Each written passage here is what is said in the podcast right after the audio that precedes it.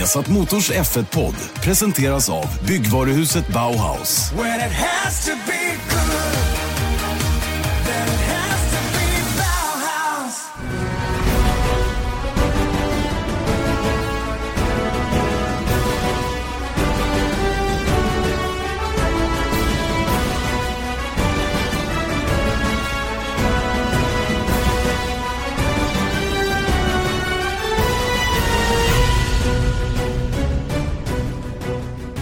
Otroligt varmt välkommen till veckans Formel 1-podd som Percy Nilegård hade sagt. Nästan, jag kände nästan som att jag lät som Percy Nilegård från Nile City. Inte riktigt så. Det här är Viasat Motors Formel 1-podd. Janne Blomqvist, Erik Stenborg, superladdade. Själv var jag precis uh, wheels down som det heter så fint på engelska. Jag har precis landat i Sverige efter att ha varit i Belgien i helgen. Erik sitter intryckt i sin fina bil.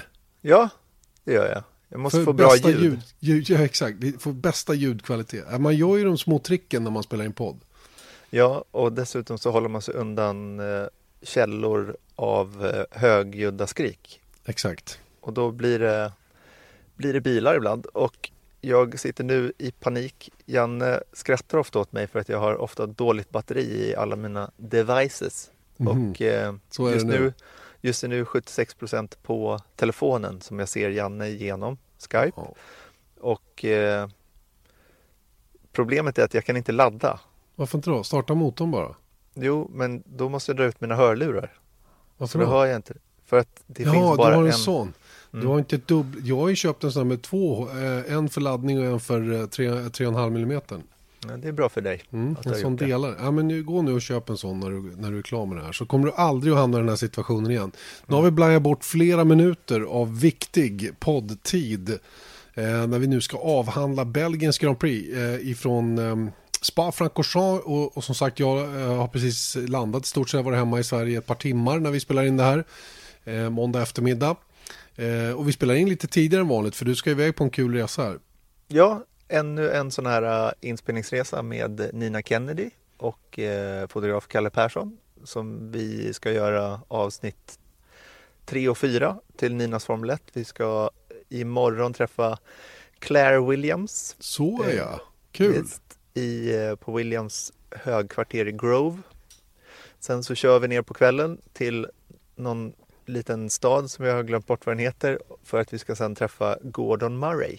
Gordon Vet Murray. Gordon Murray? Ja, Gordon Murray är väl en gammal äh, fräsig bildesigner va? Mm. Han är alltså, i, mitt, i min bok är han kanske den, glöm Adrian Newey, utan han är kanske den främsta innovatören inom Formel 1. Han, han, Lotus 78, eh, Lotus 79 eller?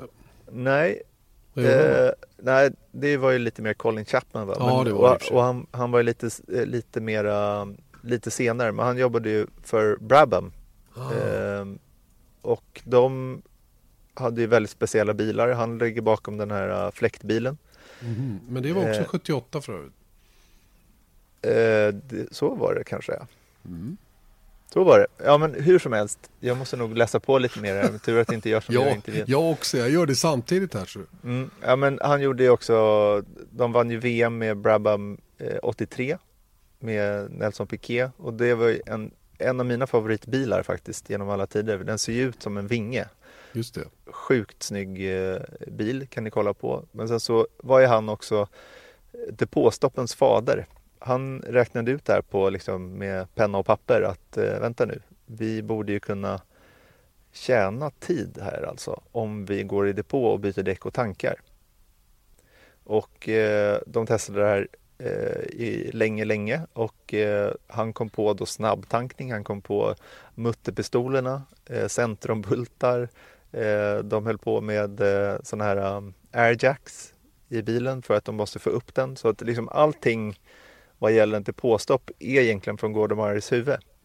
Vilket jag tycker är ganska speciellt. Och sen så gick han ju sen till McLaren och var då på pappret i alla fall under designen Steve Nichols. Men där inkluderar jag ju även den här McLaren MP44 som vann, jag tror att det var alla race utom ett. Just det, 1988. Precis, och eh, sen så lämnade han Formel 1 och gjorde McLarens, eh, McLaren F1 Den här vägbilen, kanske Just en av de mest klassiska supersportbilarna genom alla tider. Och nu Så- har han ju dessutom, ska han släppa en egen bil Jaha, under eget namn. Så pass. Inspirerad av McLaren F1 fast eh, ännu värre då såklart. Just det. McLaren F1 körde inte Anders Olofsson en sån? Jo, det gjorde han Ja, i. BPR. Coolt. Gordon Murray som för övrigt är från Sydafrika, ifrån Durban och därmed landsman med en annan sån där professor kalkyl, nämligen Rory Byrne. Mm, precis. Och Så är det. Han är dessutom landsman med. Dieter Renken. Just det. Precis. Som, som ni kommer att höra lite längre fram i den här podden. För det finns mycket att diskutera kring, eh, kring eh, inte ska kalla det politiska läget, men eh, det är lite silly season-aktiga läget i alla fall i Formel 1. Men vi kommer till det om en stund Erik, tycker jag. Utan vi, vi fokuserar på racet.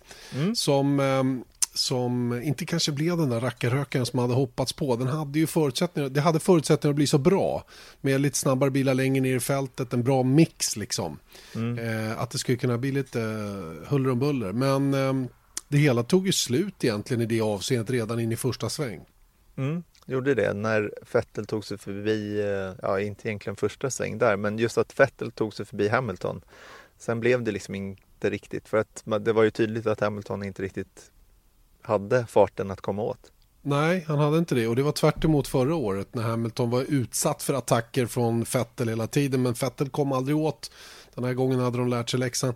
Jag tror att, att Ferrari, eller jag är nästan säker på att Ferrari hade, körde sin bil med lite, lite mindre downforce och hade den lilla extra toppfarten plus eh, att de har en hel del andra fördelar gentemot Mercedes just nu. Då. Mercedes behövde starta längst fram, tyckte de i alla fall, för de, de laddade hårt för det.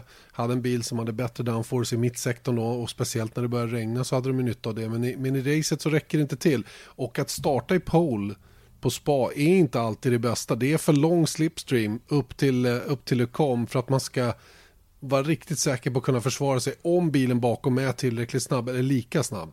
Mm. Det är lite som i Macau. Ja, Det är lite farligt att stå i pole faktiskt. Ja, men lite så. Det är absolut inte det. Att stå i första startled är fine, men just längst fram är inte nödvändigtvis det bästa. Nej. Men det är faktiskt ganska ofta, nu har jag inte statistiken på det, men det är ändå flera, ovanligt många gånger upplever jag det som under 2018 där pole position inte varit en automatisk vinnarposition. Nej. Vi får- kolla på den statistiken. Just på den här banan så är det ju lite, lite intressant för att eh, normalt sett så är det ju så att den snabbaste bilen i kval startar längst fram och den är oftast då så snabb så att den även håller undan under ett första varv. Eh, Det bruk, så är det ju normalt på banor va? men då har vi det här fenomenet att man kan liksom slingshotta sig förbi då, med hjälp av slipstreaming eh, in i Lecom, vilket då Vettel gjorde. Men jag tror samtidigt att Vettel hade den snabbare bilen rent generellt, eh, framförallt i racetrim. Eh, Och jag tyckte han visade det också, även om det var lite småkritiskt då i samband med omstarten där Hamilton kollade, kollade lite på Vettel in i busstop. Eh, men också då i samband med depåstoppen. Och det här var ju de egentliga två kritiska lägena som var för Fettel. Annars hade han ju full kontroll på det här när han väl tog sig förbi. Och det, det, det, det blir lite ljus också på den här diskussionen som har varit Erik om om Ferraris fart under första varven och den här ispåsen uppe på kameran och de här två knapparna på ratten. Vad är det för någonting som de, som de lyckas göra? Och vi hörde ju eh, Lewis Hamilton säga att de har en few tricks och såg lite mutter, muttrande ut efter målgång där han bara konstaterade att Vettel hade flygit förbi honom som om han inte fanns. Och, och sen kunde han liksom inte komma åt honom efter det. Ja, och vad ska man säga om det? Man kan ju konstatera att eh, Charlie Whiting, alltså han som är Race Director för FIA, han eh, sa sig själv vara lite amused över Hamiltons kommentarer efter eh, racet och det är ju för, och då menar han också att FIA har bra koll på Ferrari, menar de själva. Och they're happy with it, alltså de Mm. är nöjda med hur det ser ut. Så det betyder ju att bilen är legal enligt FIA och mer än så kan man ju inte säga. Och det Nej. finns inga liksom, jag har inte hört någonting om att det skulle vara några utredningar i frågan heller. På, eh, liksom, apropå att från, eller propå att från eh, Mercedes heller. Så att jag, jag vet inte ens om de själva tror på det, men jag tror att också att var Hamiltons kommentarer kommer ifrån är att han är ovan vid det här. Exakt. Han är ju helt enkelt lite uppjagad över att de, han har inte längre det motorövertag som Mercedes har haft egentligen i fyra år. Från det att det här nya motorreglementet togs i bruk så har ju de varit ledande. Eh, och nu är de inte det längre. Och det här stör ju honom naturligtvis. Och sen konstaterar ju även Toto Wolff i efterhand då att de är inte, det är inte bara på, på ren power som de ligger efter utan det är på vissa andra områden också. Titta på bakdäckeslitaget för Lewis Hamilton då som gjorde att han, han gick kort under första stinten och Visst, man kan se det som en undercut men man kan också se det som att han, han, eh, det var han som, som inte kunde hålla ut längre. Mm. Eh, ingen annan tappade egentligen någon tid på de här däcken och, och eh, jag kan ju ta ett exempel med Marcus Eriksson som jag pratade med i morse. Han sa att när Pierre Gasly väl gick in i depån så kunde han själv, han gjorde direkt en grön mittsektor. Och då hade han legat sådär en och en halv, 1,7 sekunder bakom Pierre Gasly och legat och jagat hela tiden. Men så fort att du kommer så pass nära den andra bilen, det är därför vi ser Lewis Hamilton backa ner så långt som han gör. Vilket i slutändan blir så långt efter att han, han kan inte täppa luckan när det är dags för depåstopp. För så fort han försöker det så kommer han för nära Fettel och blir påverkad helt enkelt. Framförallt då i sektor 2. Här har vi det stora, stora problemet med den här typen av bilar som har den här otroliga mängden downforce som, som de har faktiskt. Ja. Och jag tycker man såg en ganska tydligt exempel på det också. Just när, när eh, produktionen följde Marcus Eriksson i mitten av racet någonstans. När han jagade på Gasly. Så blir han varvad av, eller inte varvad, han blir omkörd av Bottas. Mm som sen ska ta sig eh, i fatt Gasly då, då tänker man så här, ja, men bra, då kan han hänga på Bottas. Det går inte att hänga på Bottas Nej. heller. Och, då, det, och det är samma sak för Gasly förvisso också, så det var nere i två sekunder direkt efter också. Men efter han blev varvad, han blev, eller inte varvad, omkörd. Blev inte varvad, han blev omkörd. Mm. Men då ser man ju också att Marcus, det är ett minimalt släpp han gör på Kemmelraken och Bottas får gå ut ur smutsiga och köra om. Mm. Så där tappar han inte tid, man tappar ändå 4-5 sekunder mm. totalt du vet, på hela grejen. För att han, han ligger bakom Bottas plötsligt. Ja, och, och äh, även det här släppet. Äh, det, var, det var faktiskt lite fascinerande. Jag vet, jag sa det under sändningen också. Han, han beskrev det alltså, Marcus, in i på hon. När han gör det där 20-procentiga släppet kanske in tre tiondelar av en sekund, inte vet jag. Det går så himla fort. Bup, så, så är det alltså som att stå på bromsen i din vanliga personbil i, inte vet jag, 150 km i timmen. Mm med det grepp som finns tillgängligt från en sån bil. Alltså, ni kan ju tänka er själva, man hänger ju verkligen i, i repen då när, det, när sånt händer. Så, så, mm. du vet, det här är som att dra runt en fallskärm. Mm. Och när inte den här fallskärmen får rätt luft, ja då, då får du ju backa tillbaka tills den får det. Innan den kan börja funka på ett bra sätt igen. Mm. Och då undrar jag en sak, nu kommer en sak på volley här. Mm. Men lift and coast. Ja. När man då liftar och coastar. Mm så tror man ju då att man släpper upp gasen helt. Men det gör man ju inte. Nej. För att om man skulle göra det då är det som en, ja, då stannar en bromsning. Ja, ja, exakt. Till slut. Men, sta, ja, men det, går, det, det stannar mycket snabbare än vad man tror i alla fall. Ja, så lift and coast är kanske när du, när du liftar och coastar så kanske du går på, nu höftar jag här, 93 procent av gas istället mm. för att gå på full gas. Mm. För att inte släpper du gasen då, då bromsar du för mycket helt enkelt. Mm, mm. Ja, man gör det för tidigt ja. Absolut. Mm. Nej, men det, det är helt sant. Helt sant. Eh, vad var jag någonstans? Jo, vi pratade Hamilton och Vettel och, eh, och att det är inte bara hästkrafter utan, utan eh, Mercedes har problem på andra områden också. De sliter bakdäck, de bygger temperatur i bakdäck lite för aggressivt många gånger. Vi såg eh, samma fenomen i, i Österrike till exempel och i, igår också då när, när Hamiltons i slutet av stinten och hans vänstra bakdäck började blistra mitt på slitbanan. Ungefär på samma sätt då som vi såg i Österrike. Mm. Så det där är ju någonting som de behöver titta över. Och de, de, de, de är mer pressade i år helt enkelt. Det, de har ju kunnat surfa runt och haft det ganska lugnt de tidigare åren. Men i år är det inte så. Utan de pressas till den främre yttre gränsen och då, då, då blir det tufft för dem. Även om man har Lewis Hamilton i bilen som är otroligt skicklig. Men mm. det är ju faktiskt även Sebastian Vettel. Och, ja, det känns ju som att, eh, jag menar, det är det som är så frapperande tycker jag. Att, att Vettel har tappat de tre senaste racen innan det här på det sättet han har gjort med det material han har tillgängligt. På det sätt, på de konstiga sätt som det har skett, alltså med regnväder då som har påverkat på ett eller annat sätt till exempel. Ja. Jag ska inte skylla på regnet va, men, men det är, liksom, det är fascinerande ändå att, att, eh, att de inte har lyckats kapitalisera lika enkelt som man har sett Merca göra andra gånger. Nu har ju Merca haft sin del av krångel och strul också såklart. Mm, men det som jag tycker är spännande med, med det här då, bara att från ett race till ett annat. Så jag måste säga att när, Fett, ja, när Vettel kom om Hamilton så blev, kände jag mig ganska glad. Just för VMs skull, för att någonstans i min position så vill jag gärna, och jag tror att många håller med mig oavsett eh, om man jobbar med det eller inte, men att Formel 1 lever till sista racet är ju väldigt roligt. Och eh, det faktum att han tog sig om och då knapade in några poäng på Hamiltons 24 poängsledning inför som nu är 17. Det blir, känner man sig väldigt glad över. Där, men nu så känns det som att momentum svängningen verkligen har bekräftats till Ferraris fördel menar jag.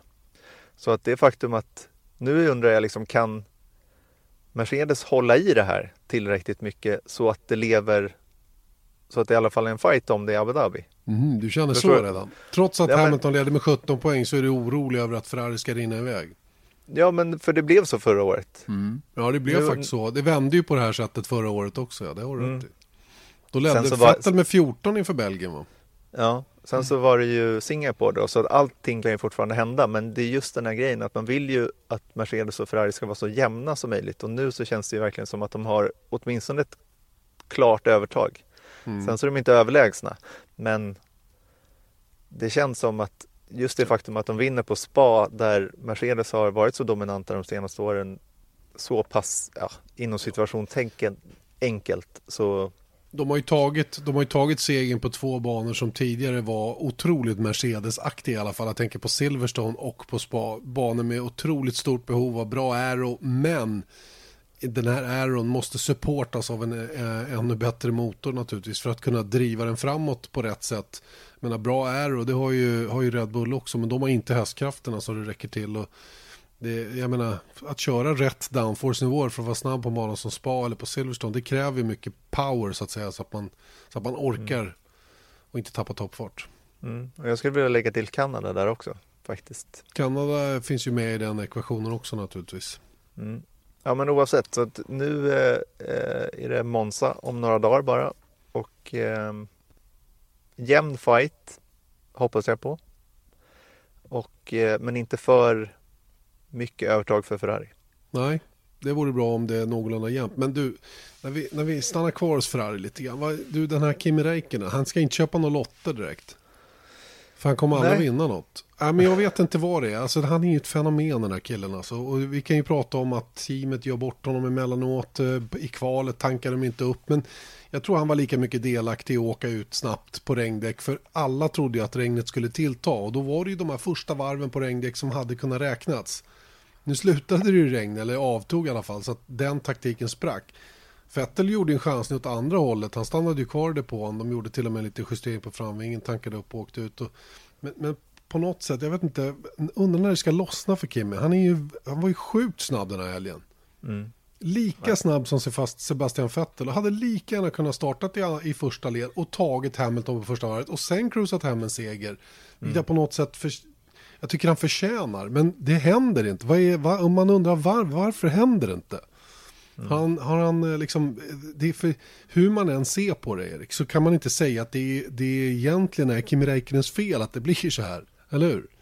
Det är bara, det blir den perfekta stormen hela tiden på något konstigt sätt. Mm. Och det stormar mycket mer i mittfältet när man startar sexa. Ja, du tänker på just den grejen. Ja, ja, ja men om man ser det på det här racet. Men jag, ja, jag men... förstår vad du menar också, så självklart. Vi kan ju backa tillbaka till lördagen, för det var ju det som gjorde att det blev som det blev. Och det är en typisk Kimi Räikkönen-grej. Att, mm. att liksom råka ut för det där, att det inte hade soppat tillräckligt och ja, nej, vädret ställer till det liksom sådär va. Det är inte första gången som inte just sådana saker händer, men sådana små grejer som gör att det aldrig blir. Visst, han har ju själv också eh, gjort misstag på avgörande varv och så vidare, va? men det, det vill inte lossna riktigt. Det kan vi i alla fall säga. Nej, det gör det inte. Verkligen inte. Och apropå Kimi Räikkönen så läser jag hans nya bok. Ja. Eh, och eh, vi kan väl säga det att vi kommer få tre stycken signerade exemplar jag, jag av den här behöver, boken. Jag behöver bara en. Du be ja, exakt. Och jag behöver Två. en. Två. Så att, en. Eh, sorry alla ni som lyssnar. Vi tog dem själva. Jag, jag sa det till, det är ju eh, förlaget som eh, har eh, hört av sig till oss angående det här då och då sa jag att ja, men jag kanske kommer behålla en och Janne kanske kommer behålla en så vi kanske bara lottar ut en och då så säger de så här låt samvetet styra och då kände jag det blev ingen alls. Exakt. Nej, men eh, mer info om det i, eh, längre fram. Absolut. Men rolig bok i alla fall, för man får lite perspektiv på honom faktiskt ändå. Ja, det, ja, det får man helt klart. Jag ska, mm. jag, ska, jag ska försöka få Kimmy att säga någonting. Normally being a little extra can be a bit much. But when it comes to healthcare, it pays to be extra. And United Healthcare makes it easy with Health Protector Guard fixed indemnity insurance plans. Underwritten by Golden Rule Insurance Company, they supplement your primary plan, helping you manage out of pocket costs without the usual requirements and restrictions like deductibles and enrollment periods. So when it comes to covering your medical bills, you can feel good about being a little extra. Visit uh1.com to find the Health Protector Guard plan for you. This is Paige, the co-host of Giggly Squad, and I want to tell you about a company that I've been loving, Olive and June. Olive and June gives you everything that you need for a salon quality manicure in one box. And if you break it down, it really comes out to $2 a manicure, which is absolutely insane. It's also so easy to get salon worthy nails at home with Olive and June. The difference between how your nails used to look when you did them yourself and now with the Manny system is a complete game changer. The best thing about Olive and June too is it's a quick dry, dries in about one minute, lasts for five days, and full coverage in up to one to two coats. Visit oliveandjune.com slash perfectmanny20 for 20% off your first system. That's oliveandjune.com slash perfectmanny20 for 20% off your first system. På engelska till den som vinner boken också. Så kan man få ett litet julklipp. Jag ska göra mitt bästa i alla fall. Ja. Jag har ju lite tumme med hans tränare nu med Mark Arnold. Så jag kan höra om han kan hjälpa till. Just det, just det. Ja, var var vi någonstans? Ska vi, Ingen prata lite om, vi, vi, kan väl prata lite om eh, Marcus Erikssons poäng? Just det. Marcus Eriksson kör ihop en poäng eh, efter ett race som han har fått goda betyg för. för. Eh, du vet de här gamla vanliga driver ratings och sånt om man nu orkar läsa dem.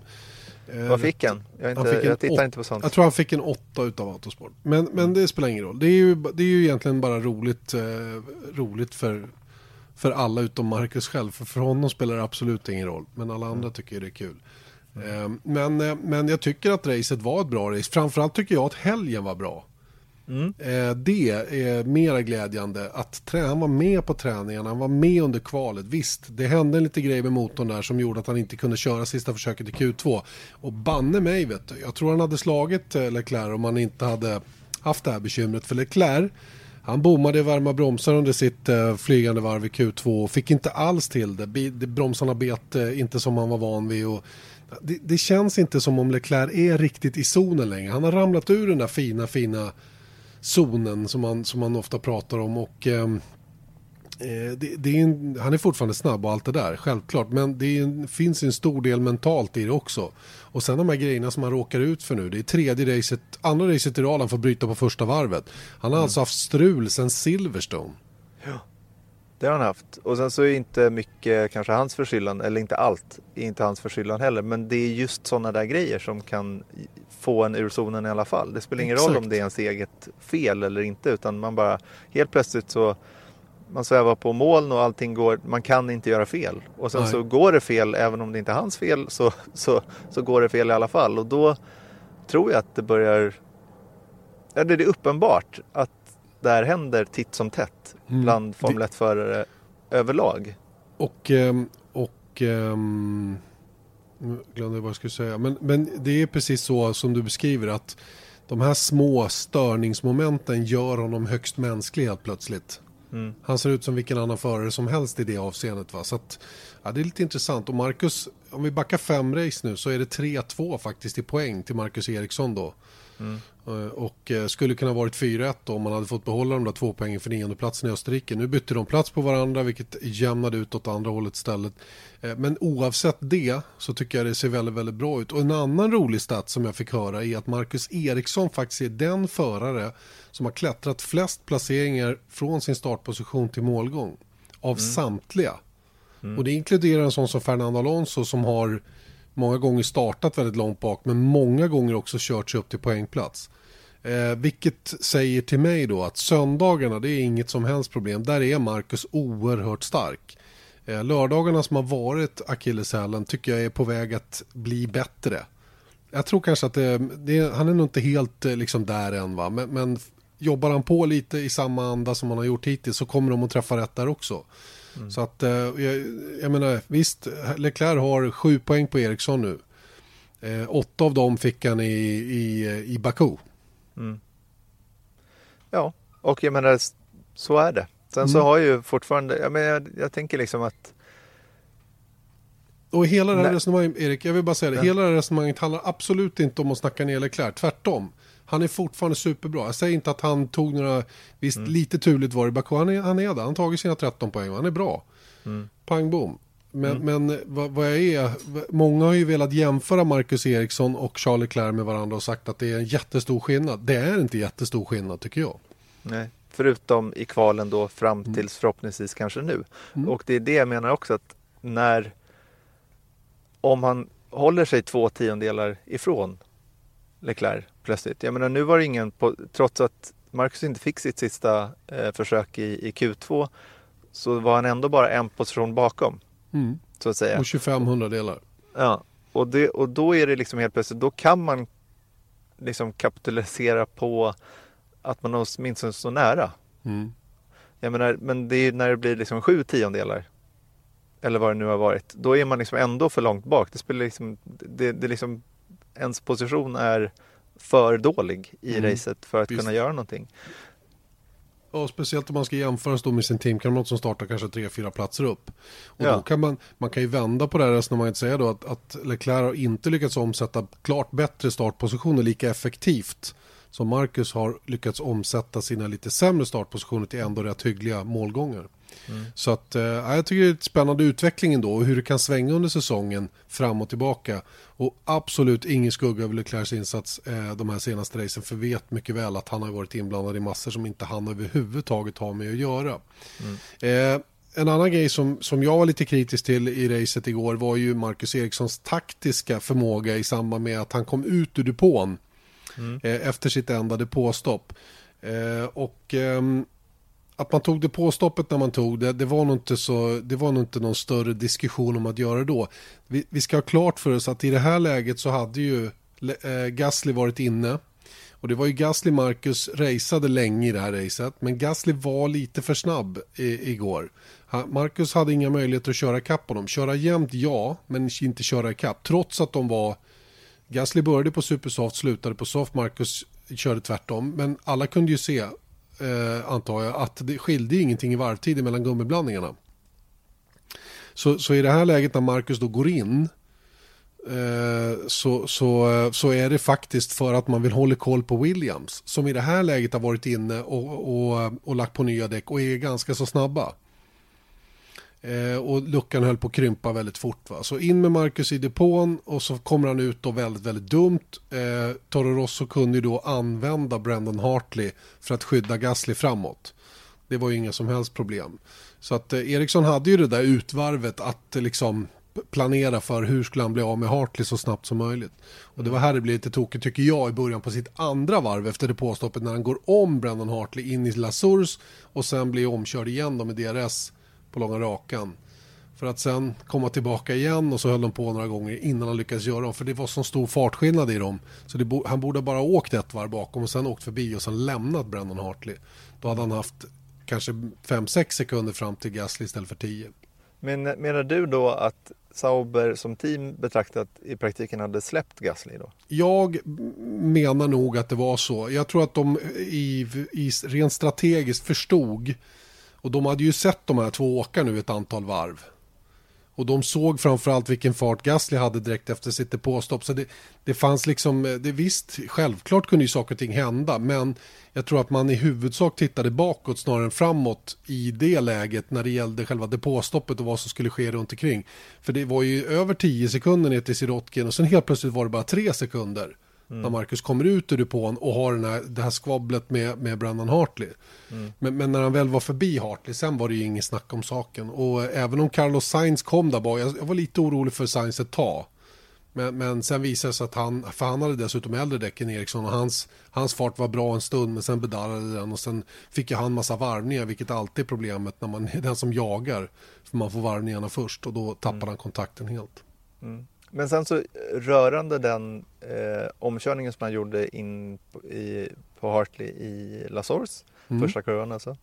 Då tänker jag så här, att när man sitter där och känner att man får en jättetow. Speciellt Marcus då som kanske inte har känt så himla många gånger på grund av materialet han har suttit i att han har fått så här, nu kan jag dyka. Mm. Och sen så vet han också att den här Hartley har sämre däck och antagligen då en sämre motor. Nu har jag chansen nu. Mm. Jag, jag kan säkert kanske hålla honom, för man såg ju också att han gjorde ganska snyggt i den omkörningen att han försökte liksom trycka ut honom lite så att han inte skulle få en så bra utgång. Mm. Han kanske kände så här, ja men jag kanske kan hålla honom på Mm. Det, var exakt, det var exakt så det var. Ja, Det var exakt så tankarna gick. Och, ja, och då tycker jag att det är för, liksom, Jag, han kan ju inte bli avrättad för att han Nej, men det, är försöker köra som, det är ingen som har avrättat honom heller. Däremot så tycker jag att det var lite osmart fortfarande. Och det kommer jag inte att ändra mig kring. Och det höll Marcus med också om när vi pratade med varandra om händelsen. För jag var lite nyfiken på hur tänkte han i det här läget? Hade han det liksom i huvudet? Men vi ska alla veta om att hur lät det i öronen på honom? Jo, på radion så skrek man du måste förbi Hartley, det är första chansen, ta honom in i kurvan. Det smattrade hela tiden från depån om vikten av att gå förbi Brandon Hartley och när luckan då dök upp in i La Source och Marcus som sagt gjorde det ganska smart eh, själva omkörningen där. Men problemet var, det kunde man konstatera i efterhand, Sauber körde bilarna lite för mycket downforce, eh, både han och Leclercs bil. Så att de, de hade inte attackläge på långa camelraken på samma sätt som de kanske hade kunnat haft om de hade tänkt lite annorlunda med setupen. Men de siktade på en bättre startposition. Man ställer ju in bilarna för, för, eh, på lördagen innan kval. Och då hade de eh, sett baserat till vad de hade sett under träningen då, räknat med att kvala högre upp och kunna använda sig av den här högre downforce-nivån i ett annat syfte så att säga. Ja, men jag tycker det, det var kul med poäng och viktigt i det här läget, Mm. tror jag. Absolutely. Ska vi avhandla en sak till innan vi stänger eh, Spaniens Grand Prix, jag säga. det är i alla fall Spa, Spa Francorchamps. Eh, nämligen kraschen i början här. Ja, det måste vi göra. Eh, det, blir ju, det, blir ju självklart att vi, vi måste liksom lyfta den i alla fall. Där Nico Hülkenberg sätter igång en, en serie av händelser då som får åtminstone fem förare att bryta den. Ja, samtliga fem som bröt faktiskt var det som indirekt eller direkt var inblandade i den här kraschen då. Som Hülkenberg iscensatte dem med att totalt missa inbromsningen in i La Source. Japp. Och det var ett misstag, helt enkelt. Ja, Jag menar, det, ja, men det är det som jag tycker är liksom det viktiga här är också att man, jag menar, man har hört Alonso är väldigt kritisk och jag tycker för sig inte att om man läser det som Alonso eller hör Alonso säga det han säger efter racet så jag menar media har fått det att framstå som att han eh, nästan krävde att Hülkenberg skulle bli avstängd ett race likt Grosjean blev efter 2012. kraschen 2012. Mm. Och det kan jag inte riktigt hålla med om att det är faktiskt, jag tycker inte att det är det han säger. Eh, men jag menar, sett till misstaget, ja men det är väl, det kunde alla se. Han, han, han, han ville absolut inte låsa upp alla fyra hjulen och kana rakt in i Alonso och starta en masskrasch. Men det kan ju hända. Ja, självklart kan det göra det. Och, och misstaget ser större ut än vad det egentligen är. För att de här bilarna, om inte temperaturen i bromsskivor och bromsbelägg är på rätt nivå, ja då kan de få den här effekten att de han bromsar och bromsar och så känner han inte att det bromsar inte som det är tänkt. Och så trampar han lite, lite grann till och då går man över den där gränsen och då nyper det direkt och du kommer med en sån fart. Jämfört med de som faktiskt har bilar som har bromsar som får ner farten på bilarna som det är tänkt.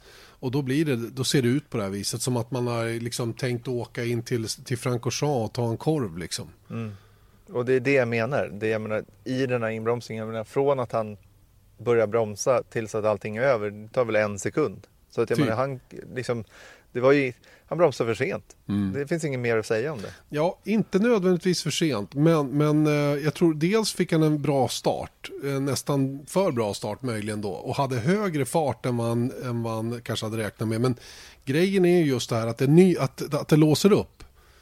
Hade det inte låst upp och däcken hade haft kontakt med asfalten för då kanske han hade hunnit få stopp på bilen. Man vet inte va. Men just det Nej. faktum att det nyper till. Visst, Men med facit i hand så bromsar han för sent. Självklart, självklart. Fattar Han inte hade hur du kan sätta Ja, men- emot här. Ja men det, grejen är ju att vi, de här jobbar ju på instinkt allihopa. De, de gör ju som de alltid gör. Och, och jag tror inte att det, var, att det var att han överskred sin bromspunkt med 15 meter eller något sånt. Kanske med en meter eller något. Men jag tror att det var liksom, kan kanske, problemet var kanske att den inte hade värmt bromsarna under utvarvet eller vad heter det, formationsvarvet. Mm. Jo, kanske var där misstaget skedde. Ja men det tror jag, absolut. Men sen så blev ju i slutändan så är det ju där, där, där, där det skedde. Men Ja. ska vi säga, så, och nu får han 10 platser nedflyttning till. Och en grej där, apropå att han startade väldigt långt bak, fick en väldigt bra, bra start. Är klart, såklart överladdad på att ta sig förbi så många som möjligt. För att han vet ju också att i första kurvan så är det ett bra läge just på spa för att det är ett så himla tajt eh, hårnål och det går väldigt långsamt. Får en bra ut, liksom, dels kan du ta det om i kurvan men får en bra utgång sen på, eh, på utsidan. Jag menar då, då är ju folk sitting, sitting ducks liksom på Kremlraken. Så att jag menar, han, det är klart att han ville det också. Problemet är ju nu att han kommer vara i, i stort sett samma position på Monza. Visst, han kommer ju vara som, som bäst 15. Och Mm. det kommer inte hända. Han kvalar ju normalt sett sämre än sexa. Det betyder ju alltså att Hülkenberg igen då kommer starta sist. Han kommer att göra det tillsammans med Daniel Ricciardo för han kommer som allt ser ut att bli då att få eh, ehm, motorbestraffning. Eh, han kommer att gå till det nya specifikation C utav Renault motor som jag tror att Carlos Sainz tog och som Stoffer van Dorn tog i söndags som gjorde att de där startade sist. Så att eh, det blir en jobbig, jobbig söndag eh, för Nico Hülkenberg igen då i, i det avseendet. Va? Och eh, om vi ser till smällen i övrigt då. Vi måste väl prata det som hade kunnat hänt eller som, som eh, Charles Leclerc blev skyddad ifrån. Jag vet inte hur man ska se på det riktigt. Men Halon och Halons funktion har ju, eh, har ju fått mycket, mycket uppmärksamhet de senaste 12 timmarna. Och Vad det är väl, ja, men det är också ganska enkelt. Jag menar, det är precis det här som Halon skulle skydda mot. Och sen så är det väl inte hundraprocentigt klarlagt. Hade det varit en direkt träff mot huvudet eller hade det varit en, hade det varit en snudd? Jag menar, jag tycker på de slowmo-bilder som jag har sett från Hartys bil, eh, det finns en 360-kamera från Leclercs bil, då tycker jag att det ser ytterst, ytterst misstänkt ut att den inte skulle ha ens snuddat huvudet. Just för att den tar ganska långt ner, man ser backspegeln har rykt och, eh, liksom det, och det är en bra smäll också. För att jag tror inte själva halon är skadad, men det, de har ju som ett hölje på halon med kolfiber. Så själva halon i sig är ju en titan, titanpinnar. Och om man tittar på till exempel Mercedesen så är ju den kolfiber, svart kolfiber. Och det är ju bara höljet som finns i, i reglementet. Så jag tror inte att själva halon är skadad men däremot höljet på den. Men att krossa kolfiber på det sättet betyder ju att det var en hård smäll.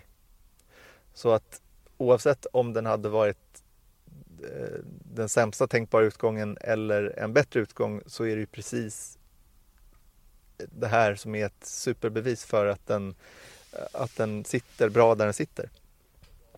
Absolut, och, och diskussionen huruvida däck eller bil hade träffat Leclerc eller inte är helt ointressant.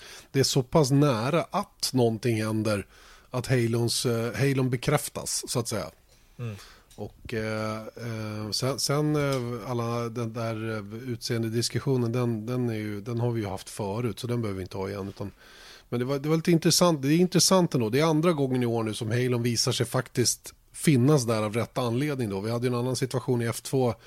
Båda japanerna Fukusumi och Makino körde upp tror jag uppe i kurva 4 där, där den ena klättrade över den andra. Och det är just de här, och jag vet när de visade bilder Fia på det här researcharbetet de hade gjort. Det var ju den här typen av krascher som man är rädd för. När det kommer en hel bil Eller st- riktigt stora tunga objekt mot huvudet då. Eh, hjälmen har man ju för att skydda mot mindre prylar naturligtvis som kommer flygande och, och liksom hela den grejen. Men, men eh, just det här är ju Halon ett väldigt, väldigt bra skydd mot. Eh, Utseendemässigt snygg eller inte. Men, men den, den funkar väldigt, väldigt bra. Och en, en windscreen och allt vad man nu vill prova. Den, jag tror inte att det har samma hållfasthet för ett stort, tungt föremål, typ en annan bil.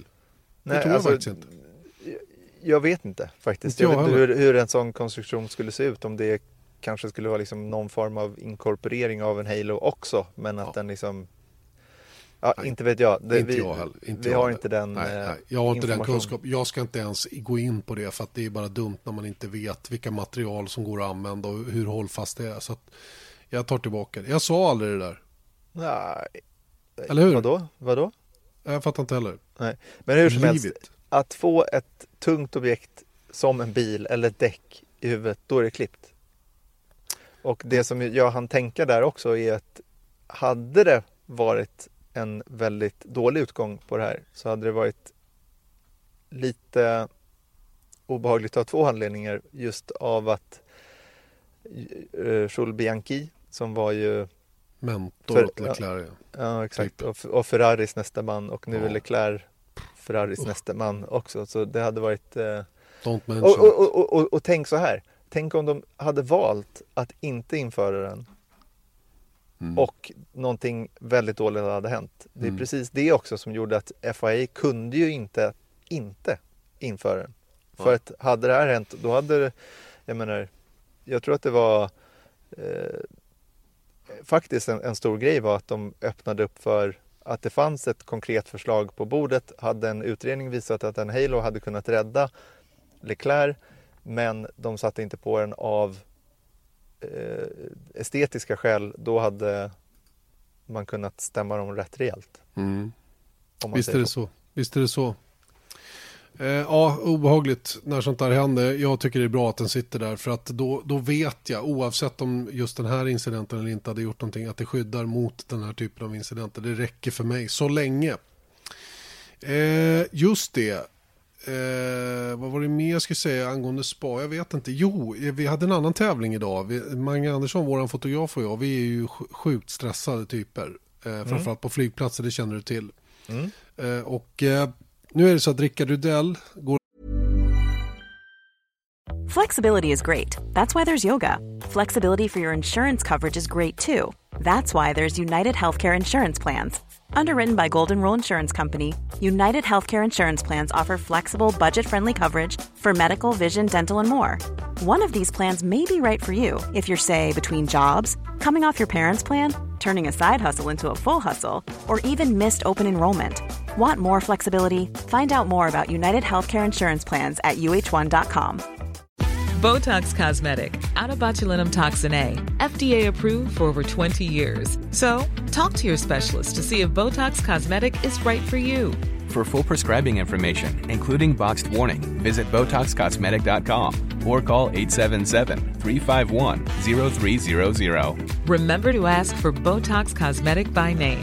To see for yourself and learn more, visit BotoxCosmetic.com. That's BotoxCosmetic.com. under namnet Tvåan, eller nummer två, efter sitt misslyckade comebackförsök i historisk eh, touring car racing där han inte vann. Oj, och sånt, sånt, ja, men sånt här går inte, sånt här försvinner inte i vårat gäng. Nej. En, tvåa, det är liksom first to lose. Eller vad de sa en gång i tiden. Så att han, han får ju nu kämpa med att, att vinna fram till incheckningsdiskar. Checka ut på hotell, checka in på hotell. Det här är fascinerande spel. Det här ska man egentligen filma och göra ett, göra ett inslag om. Kriget som är när vi ska ta oss in och ut på olika ställen. Och du kan ju tänka dig stämningen i bilen när jag hade glömt att betala p-biljetten på hotellet i morse. Och vi var innanför en bom och kom inte ut. Jag var tvungen att gå in och betala. Oj, oj, oj. Jesus. Sprang Och då var Magnus då? Nej men det var bara tre timmar till avgång. Oj, ja men då sprang han.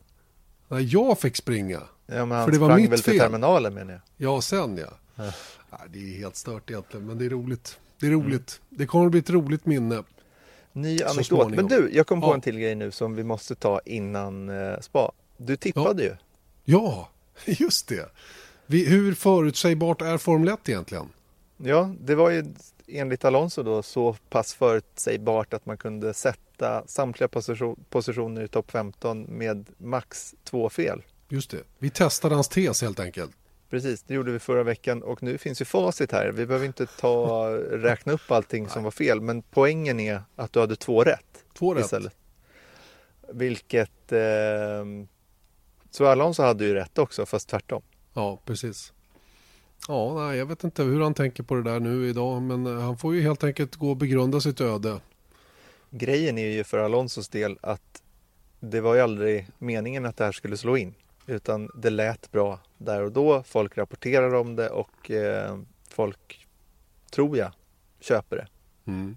Ja, för att det kommer från Alonsos mun. Och Exakt. då, då har han fått sin liksom vilja igenom. Det är lite så här, äh, du vet, fake news-grejen. det, Donald det, Trump. Truth isn't truth. Ja, i dessa, i dessa eh, vad heter det, valtider så är det ju ganska aktuellt. Precis. Eh, just det, bara två rätt hade jag alltså och eh, jag vet inte hur förutsägbart Formel 1 är. Vi får väl se hur det ser ut nästa helg. Ska vi testa tesen en helg till? Jag tycker vi har bevisat det. Ja, jag, tycker, jag såg det på din min där att du kände inte att vi skulle göra det en gång till. Så vi Nej. släpper den grejen helt enkelt. Det har ju hänt en hel del, för apropå Fernando Alonso så har det hänt en hel del på, på silly season-området. Som vi som bekant har rapporterat väldigt mycket om under helgen då i våra sändningar. Dieter Enken, våran eh, tredje medarbetare, skrev bland annat en artikel där eh, där Marcus Eriksson blev indragen i den här karusellen av förarbyten då, som väntas eh, fram till, eh, fram till eh, Monza redan. Med, eh, och främst då Lance Strolls byte från Williams till Force India då, som ser ut att vara nära förestående där han har en seatfitting imorgon då hos Force India om vi har förstått saken rätt. Ska vi t- eh, jag fick en pratstund med Dieter kort och gott om det här. Jag vill ju naturligtvis veta om eh, vad han ser på, om han kan gå igenom det här senaste som har hänt då, på den heta silly season-marknaden just nu. Well, absolutely, uh, Jan. I mean, since since the uh, the last race in Hungary, you know, whoever would have expected that we have Daniel Ricciardo signing for Renault, Carlos Sainz at McLaren, Fernando Alonso suggesting that he's leaving, possibly forever. We don't know yet. I mean, just incredible. And then, of course, there's this ongoing uh, Force India saga, which unfortunately doesn't seem to be over yet. I mean, we're hear- hearing all sorts of very interesting suggestions. Uh, Dimitri Mazepin, who um, heads up Uralkali, uh, he was one of the bidders. He lost out. He's now threatened court action against the administrators unless they provide some satisfactory explanations. So it looks like this one is really going to run.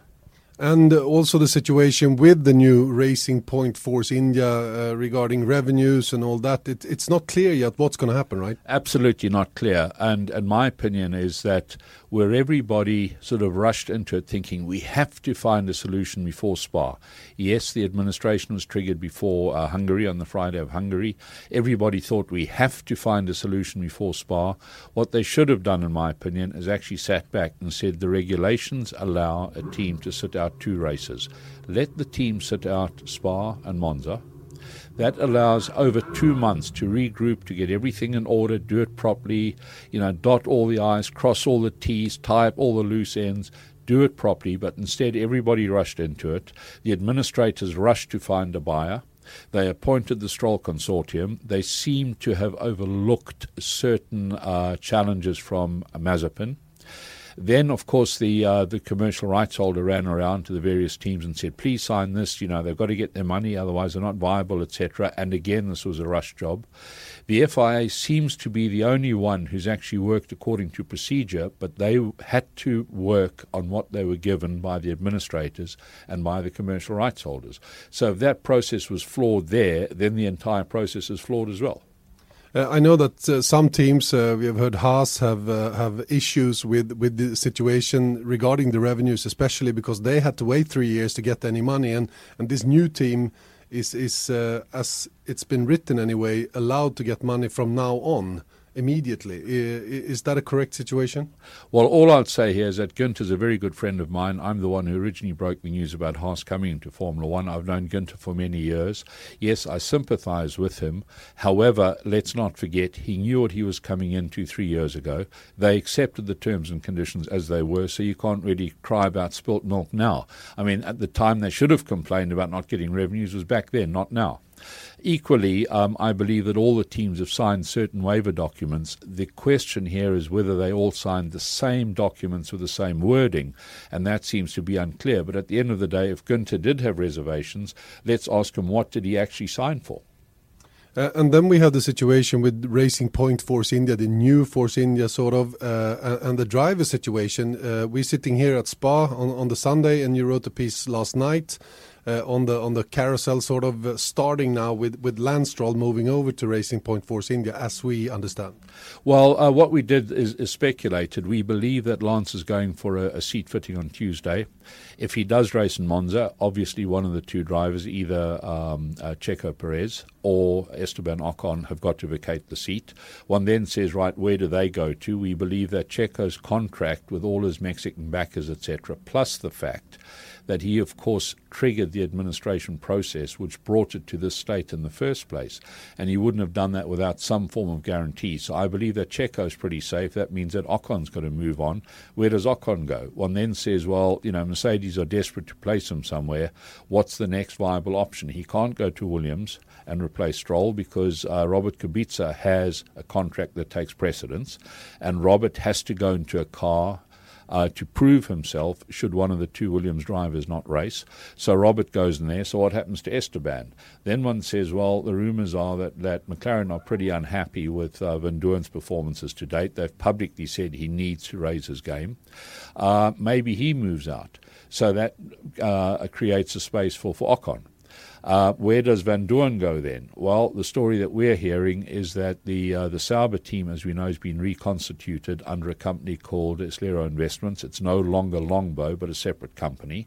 The directors are um, Alessandro Aluni Bravi, who happens to be uh, Van Doorn's manager, and of course uh, Frederick Vasseur, the team principal of Sauber, but also a director and also the man who ran um, Stoffel in, in Formula 2 and Formula 3. Uh, so, from that perspective, they know Stoffel, they like Stoffel, they rate Stoffel, and I believe that they've been talking to McLaren to see where they could accommodate Stoffel there. The question is who moves, Marcus Ericsson or Charles Leclerc? Well, with all due respects to, to Marcus, Charles has been delivering. And um, I think that if all this happens, we may find that Marcus unfortunately pays the price. Um, one wonders, as a Swede anyway, what, would Sauber gain from, from taking a driver who is who is not performing at all at the moment, uh, instead of having Marcus, who is sort of raising his game at the moment instead? I, I don't really see the point. Of course, um, and I can fully understand the arguments, and equally, it's something that I've asked myself. But I think one has to look at it from three perspectives. The first one is that if Ocon does go to McLaren, Mercedes would obviously be paying. So McLaren would have some money that they could pay across to Sauber to accommodate uh, Stoffel. Secondly, I think the consensus of opinion is that McLaren has never been an easy environment for a young up and coming driver. We've seen it with Kevin, for example, right? We've seen it with Checo Perez. People who were there who got rejected, who are able to rebuild their careers very, very successfully elsewhere. And I think that people are again saying that maybe uh, Stoffel is a symptom of this McLaren environment, which is not a particularly uh, conducive environment to developing drivers. And I think that this is the argument there. And then, if we are honest, unfortunately, Marcus has not performed at the level of, of Charles. So maybe they're saying, let's see whether somebody else could do a better job. And if you get paid to do so, it may be worth taking a punt. Okay, that's the situation that we're hearing, sort of rumor-wise, in, in, the paddock at the moment. We we are recording this on the Sunday at Spa. When this is aired, it's Tuesday. Maybe things have developed in in some direction. We don't really know, so we have to sort of uh, take height for for that. Although I must add here, and you're absolutely correct, I mean, it is a fluid situation. Who knows if, if Mazepin's court application succeeds, then just maybe Stroll loses the deal. Maybe then Lance doesn't go to Force India. Maybe then Robert doesn't go into the Williams, etc. So, you know, all the dominoes have got to fall right. But what our job is to do is to analyze the situation and say this is what could happen, not this is what will happen. And uh, is there a, is there a possibility that uh, Esteban Ocon is maybe sitting out the rest of the season to get the McLaren seat at the start of 2019? Well, let's be very blunt. Anything is possible. Anything is possible. Yes, they may. You know, he may sit out. Just maybe um, the the other moves do happen. Lance goes in. Robert Kubica comes in.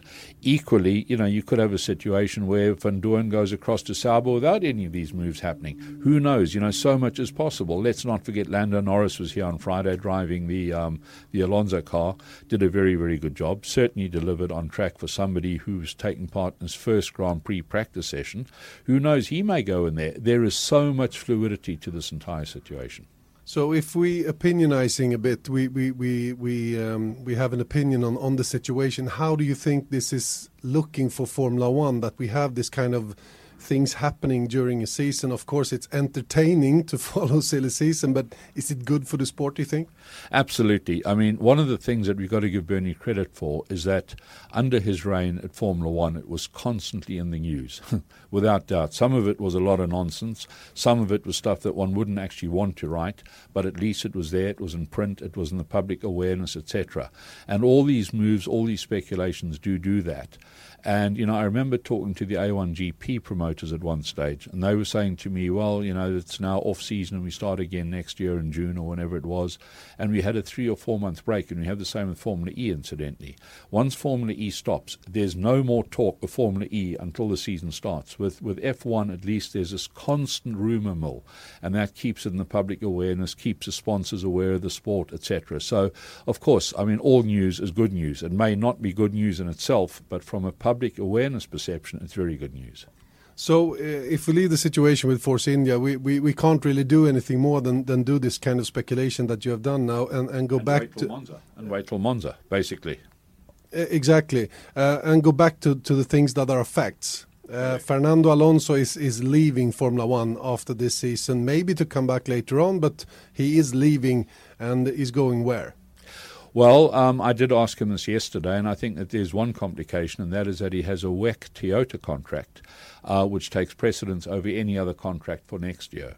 So this year he, he had the McLaren contract, and they allowed him to sign the Toyota contract. But of course, at the end of this year, he's out of McLaren contract, but the Toyota contract is still active. If he goes to IndyCar, which I mean the, the, the bets are on that it will be IndyCar because he's always said he'd like to win the Triple Crown. At this stage, or when I say at this stage, in motor racing circles, it's unclear whether the um, Triple Crown is the World Championship or the Monaco Grand Prix plus, of course, Le Mans and Indianapolis 500. Well, he's won the Monaco Grand Prix and he's got two World Championships. So, whichever way you want to play it, he, he ticks those boxes. He won Le Mans this year, so he ticks that box. So, the only one outstanding is the Indianapolis 500. The most likely power unit to win the Indianapolis 500 with is, of course, the Honda. But when you've got a, a, Toyota contract, which runs through till the end of June, because that's when the Le Mans uh, takes place next year, it's a bit difficult to accommodate Honda and Toyota together. And I put this to him yesterday, and he said, well, we'll have to see whether we can find a solution. So I do believe that it's more likely that we'll see him running in Indianapolis next year. Whether he runs the full IndyCar championship next year is a separate question.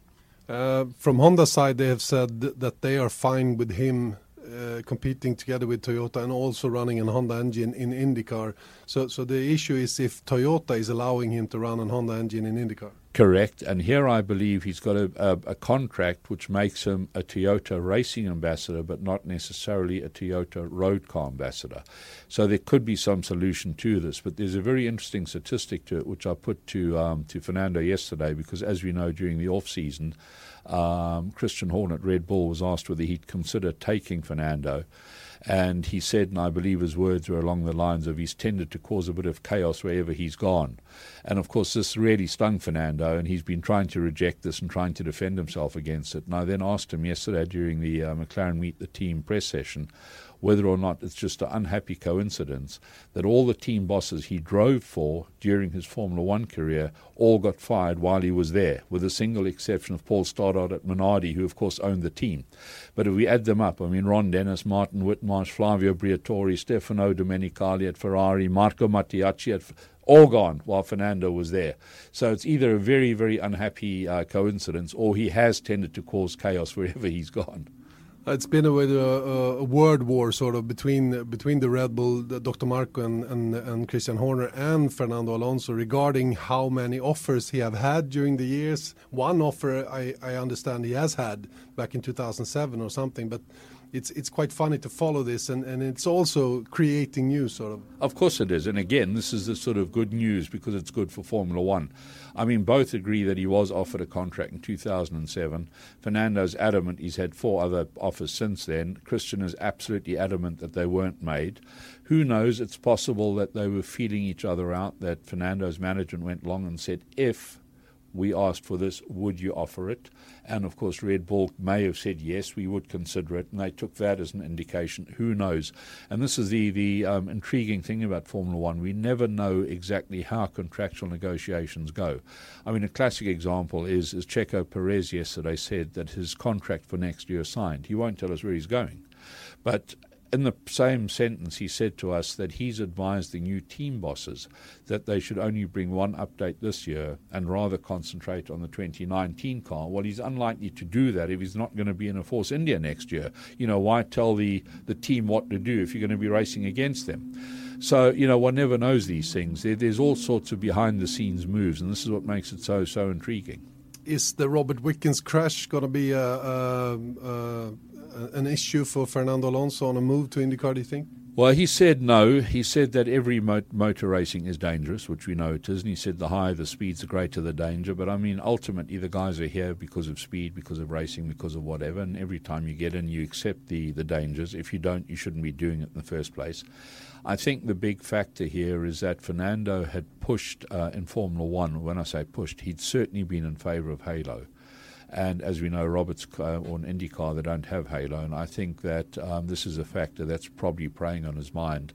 And I wouldn't be surprised to see IndyCar also adopt Halo going forward. I mean, let's be honest, there was this massive outcry about Halo. Today, you see a picture of a Formula One car, you don't even see the Halo, it's just part of it.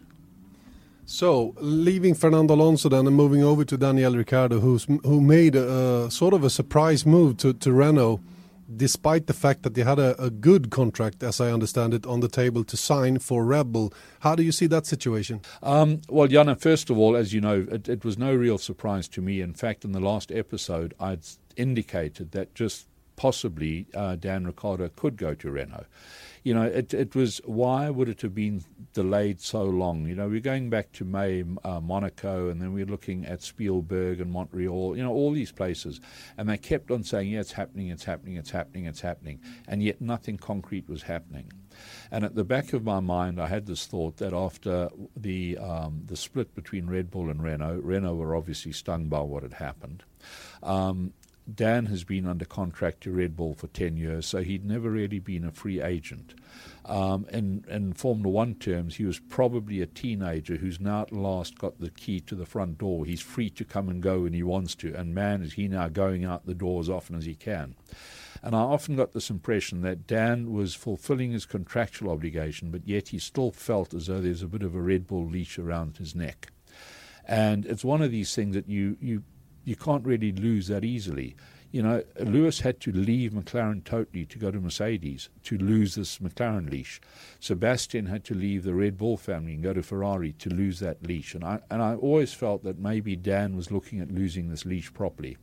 And I think that played as much a part in the decision as also Renault's desire to get one over Red Bull, particularly after what had happened. And and the situation that Max Verstappen is really strong within the Red Bull team has that played any part in the decision? Do you think? Um, I don't believe so. Look, obviously, I think you would have thought, well, you know, is it going to be an easier ride at Renault? All I can say is that Nico Hulkenberg is not an easy ride. I mean, I've rated Nico for a long time. I remember a year ago talking to Carlos Sainz when he said that he'd like to go to Renault.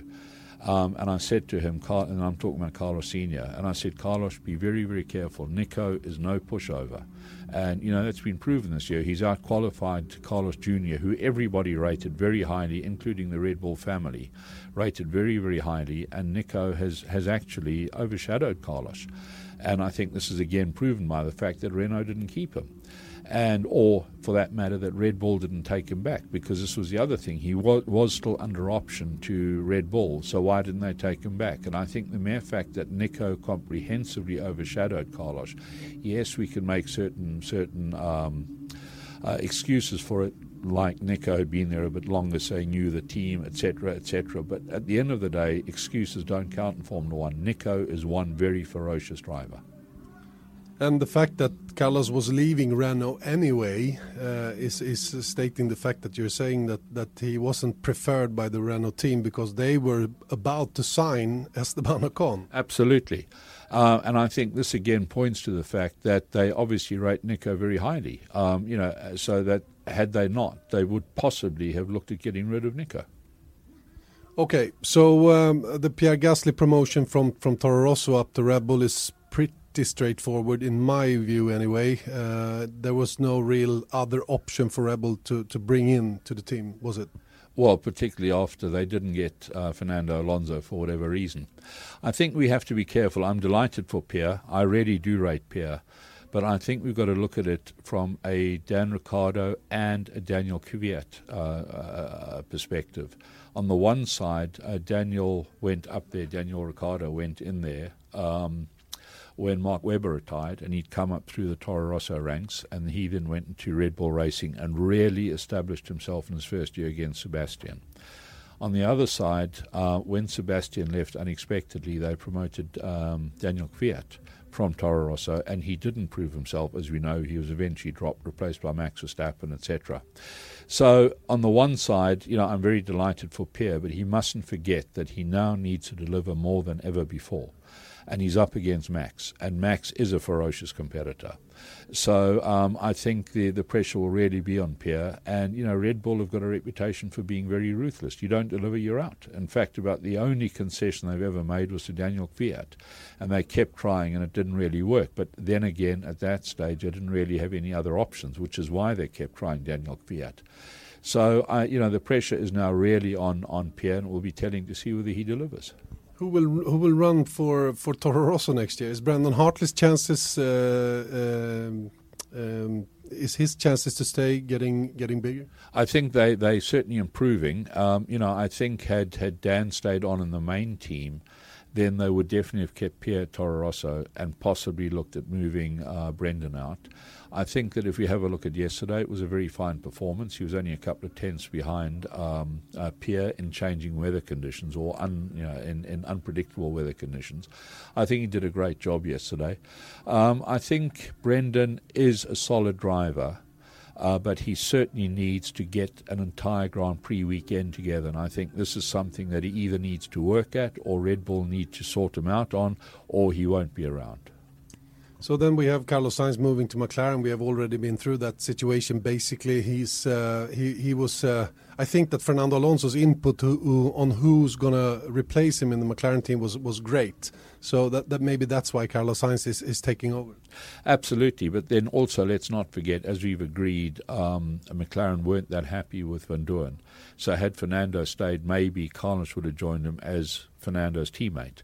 I did, in fact, ask this question Hungary and Germany could they accommodate two Spaniards? And basically, the answer was we'll accommodate anybody as long as they're quick and work together as a team.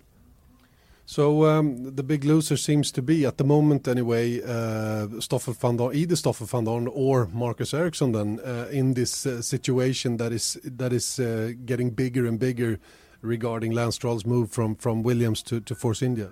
Although we do have to again stress that this is speculation, it's a fluid dynamic situation, and who knows, it could all change tomorrow. I mean, who knows, Fernando may decide to walk away completely. you know, he may turn around and say, Well, I'm sick and tired of being on the back row of the grid. I'm out of here, full stop. I'm planning on retiring, so I may as well do it now. There must be nothing worse in a driver's mind than knowing that he's retiring in eight races' time and all he's going to be doing between now and the end of November, particularly when you're a double world champion, is fight for the back row of the grid. Okay, interesting to hear your thoughts on this situation that has been created with all this commotion that's been going on during the, the summer break. Uh, we'll hear soon from you again, I guess. It's been wonderful being back with you since Hungary. Great stuff. Thanks, Jana. Ja, det är alltid kul att ha med Dieter Enken i våra podcasts. Han är ju en skön figur. Alltså, han har jobbat hårt sista tiden tycker jag. Han har varit, varit på den här affären med Force India framförallt som, mm. som han har grävt mycket i. Han har bra kontakter alltså, när det behövs för att reda ut de här grejerna. Och då ska ni veta, det är svårt där att ha bra kontakter och samtidigt rapportera trovärdigt om det. Mm. För att eh, ibland kan man ju bränna en och annan grej för att man måste skriva om det så att säga. Va? Och det där är lite lurigt. Det är de som är duktiga på det som blir kvar i branschen länge. Mm. Och just eh, ekonomiska situationer inom Formel 1 är något av hans bakgård. Så det, det är ju nästan självklart att han har bra koll på, på detta. Mm. Eh, ska vi säga någonting om Force India-historien där? Han, han red ju ut det ganska tydligt ändå om hur det ligger till. Det är ju inte helt klart ännu vad som kommer att ske och vi har ju den här ryska Matsepin då, eh, som, mm. som inte är nöjd med hur saker och ting har gått till och kräver ett, ett tillfredsställande svar på att den här processen har gått till på ett schysst sätt då för att släppa grejen. Annars är han beredd att gå till domstol då för att häva det här köpet som Lawrence Stroll och hans konsortium har gjort av Force India då som sedermera har blivit eh, Point Racing Point Force India. Jag kommer aldrig lära mig det, men det är så det heter. Mm. Men jag tycker nästan att här, jag, jag tycker han ni gick igenom det bra. Det som däremot jag skulle vilja sätta lite perspektiv på är den här äh, fyr, eh, fyrvägsbytena som, som han skrev om också under helgen. Och jag menar, som ni också nämner i, i, äh, i, i ert snack så är det ju liksom, det är ju spekulationer i det här läget, även om man är välunderrättad och, och vi också, i mångt och mycket i alla fall. Så tänker jag, rent logiskt, nu att det här kan lika gärna som det kan ske så kan det inte ske. Men jag tycker nu, hade jag varit Lawrence Stroll i det här läget, mm. då hade jag suttit still i båten. Och jag kan berätta varför.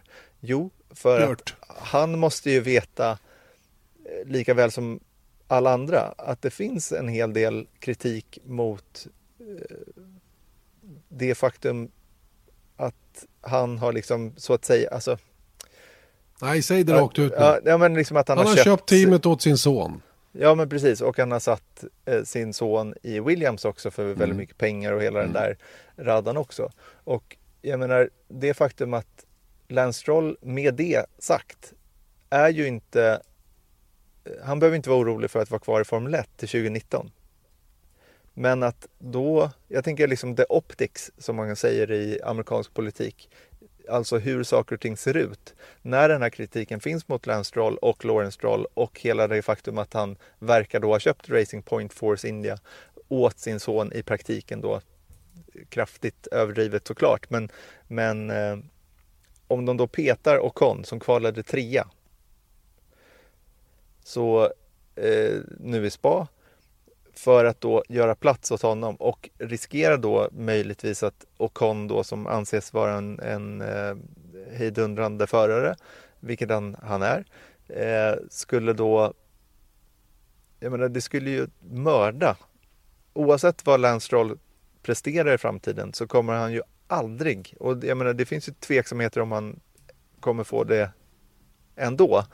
Jag menar få gott rykte i Formel 1.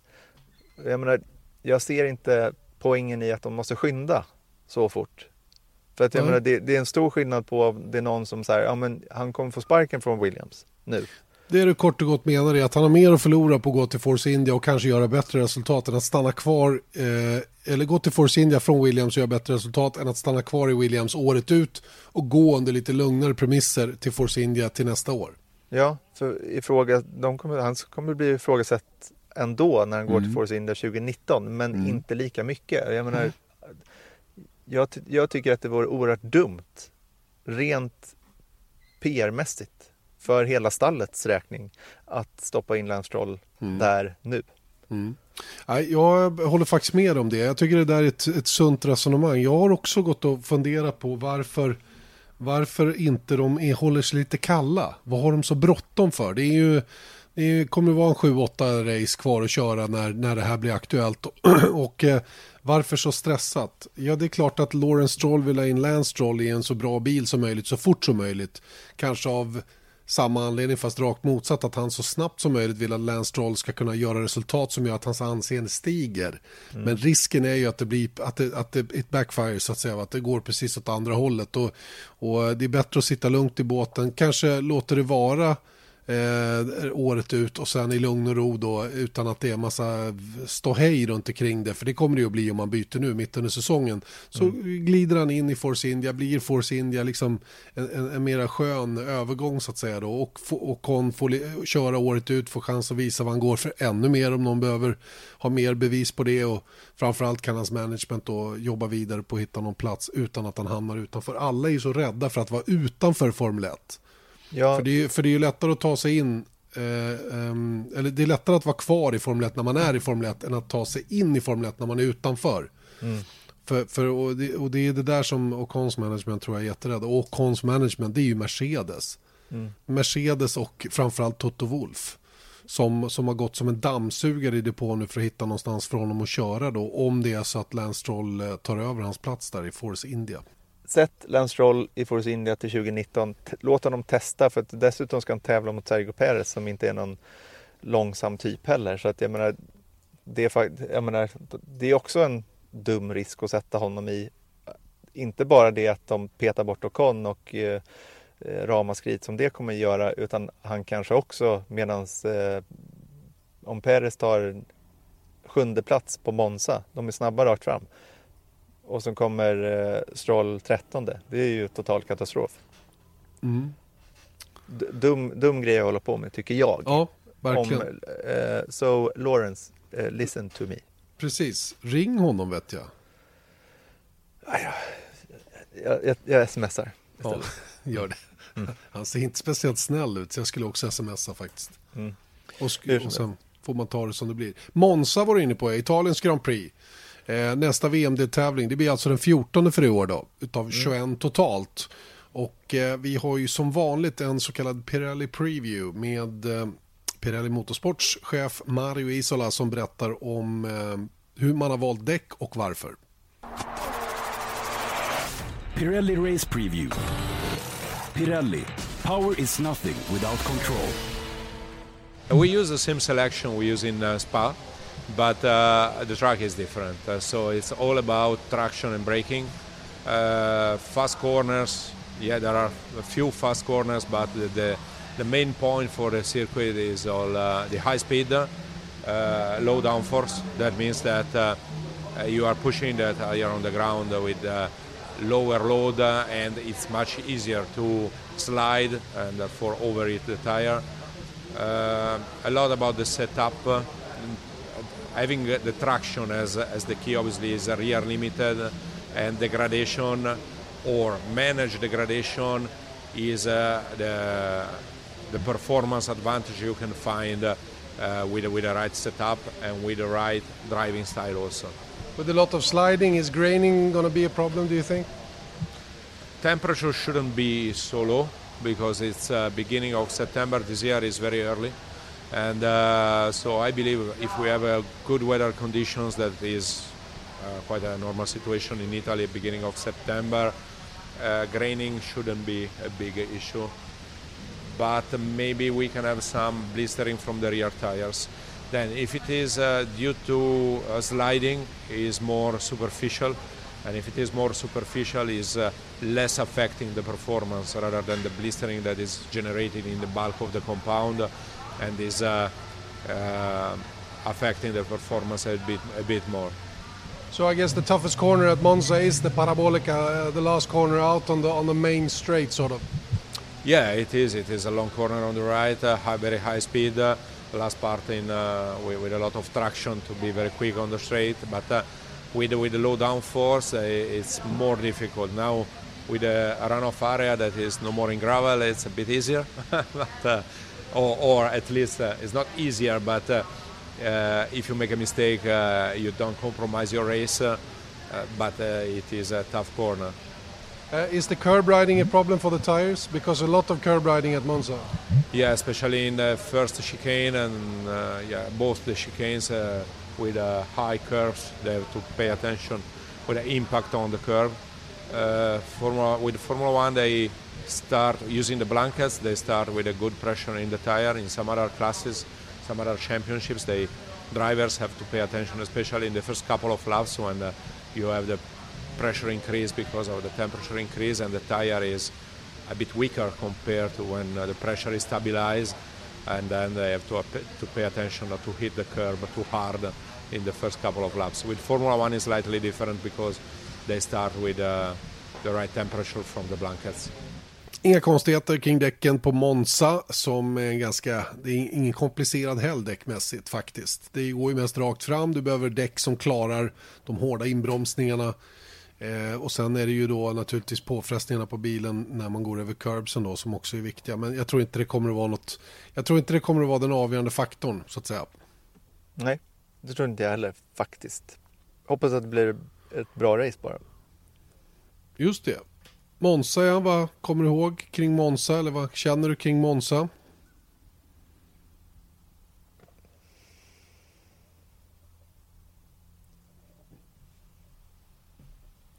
Ja. Du frös där, jag har inte hört Ja. någonting. Nej, jag, jag svarade inte.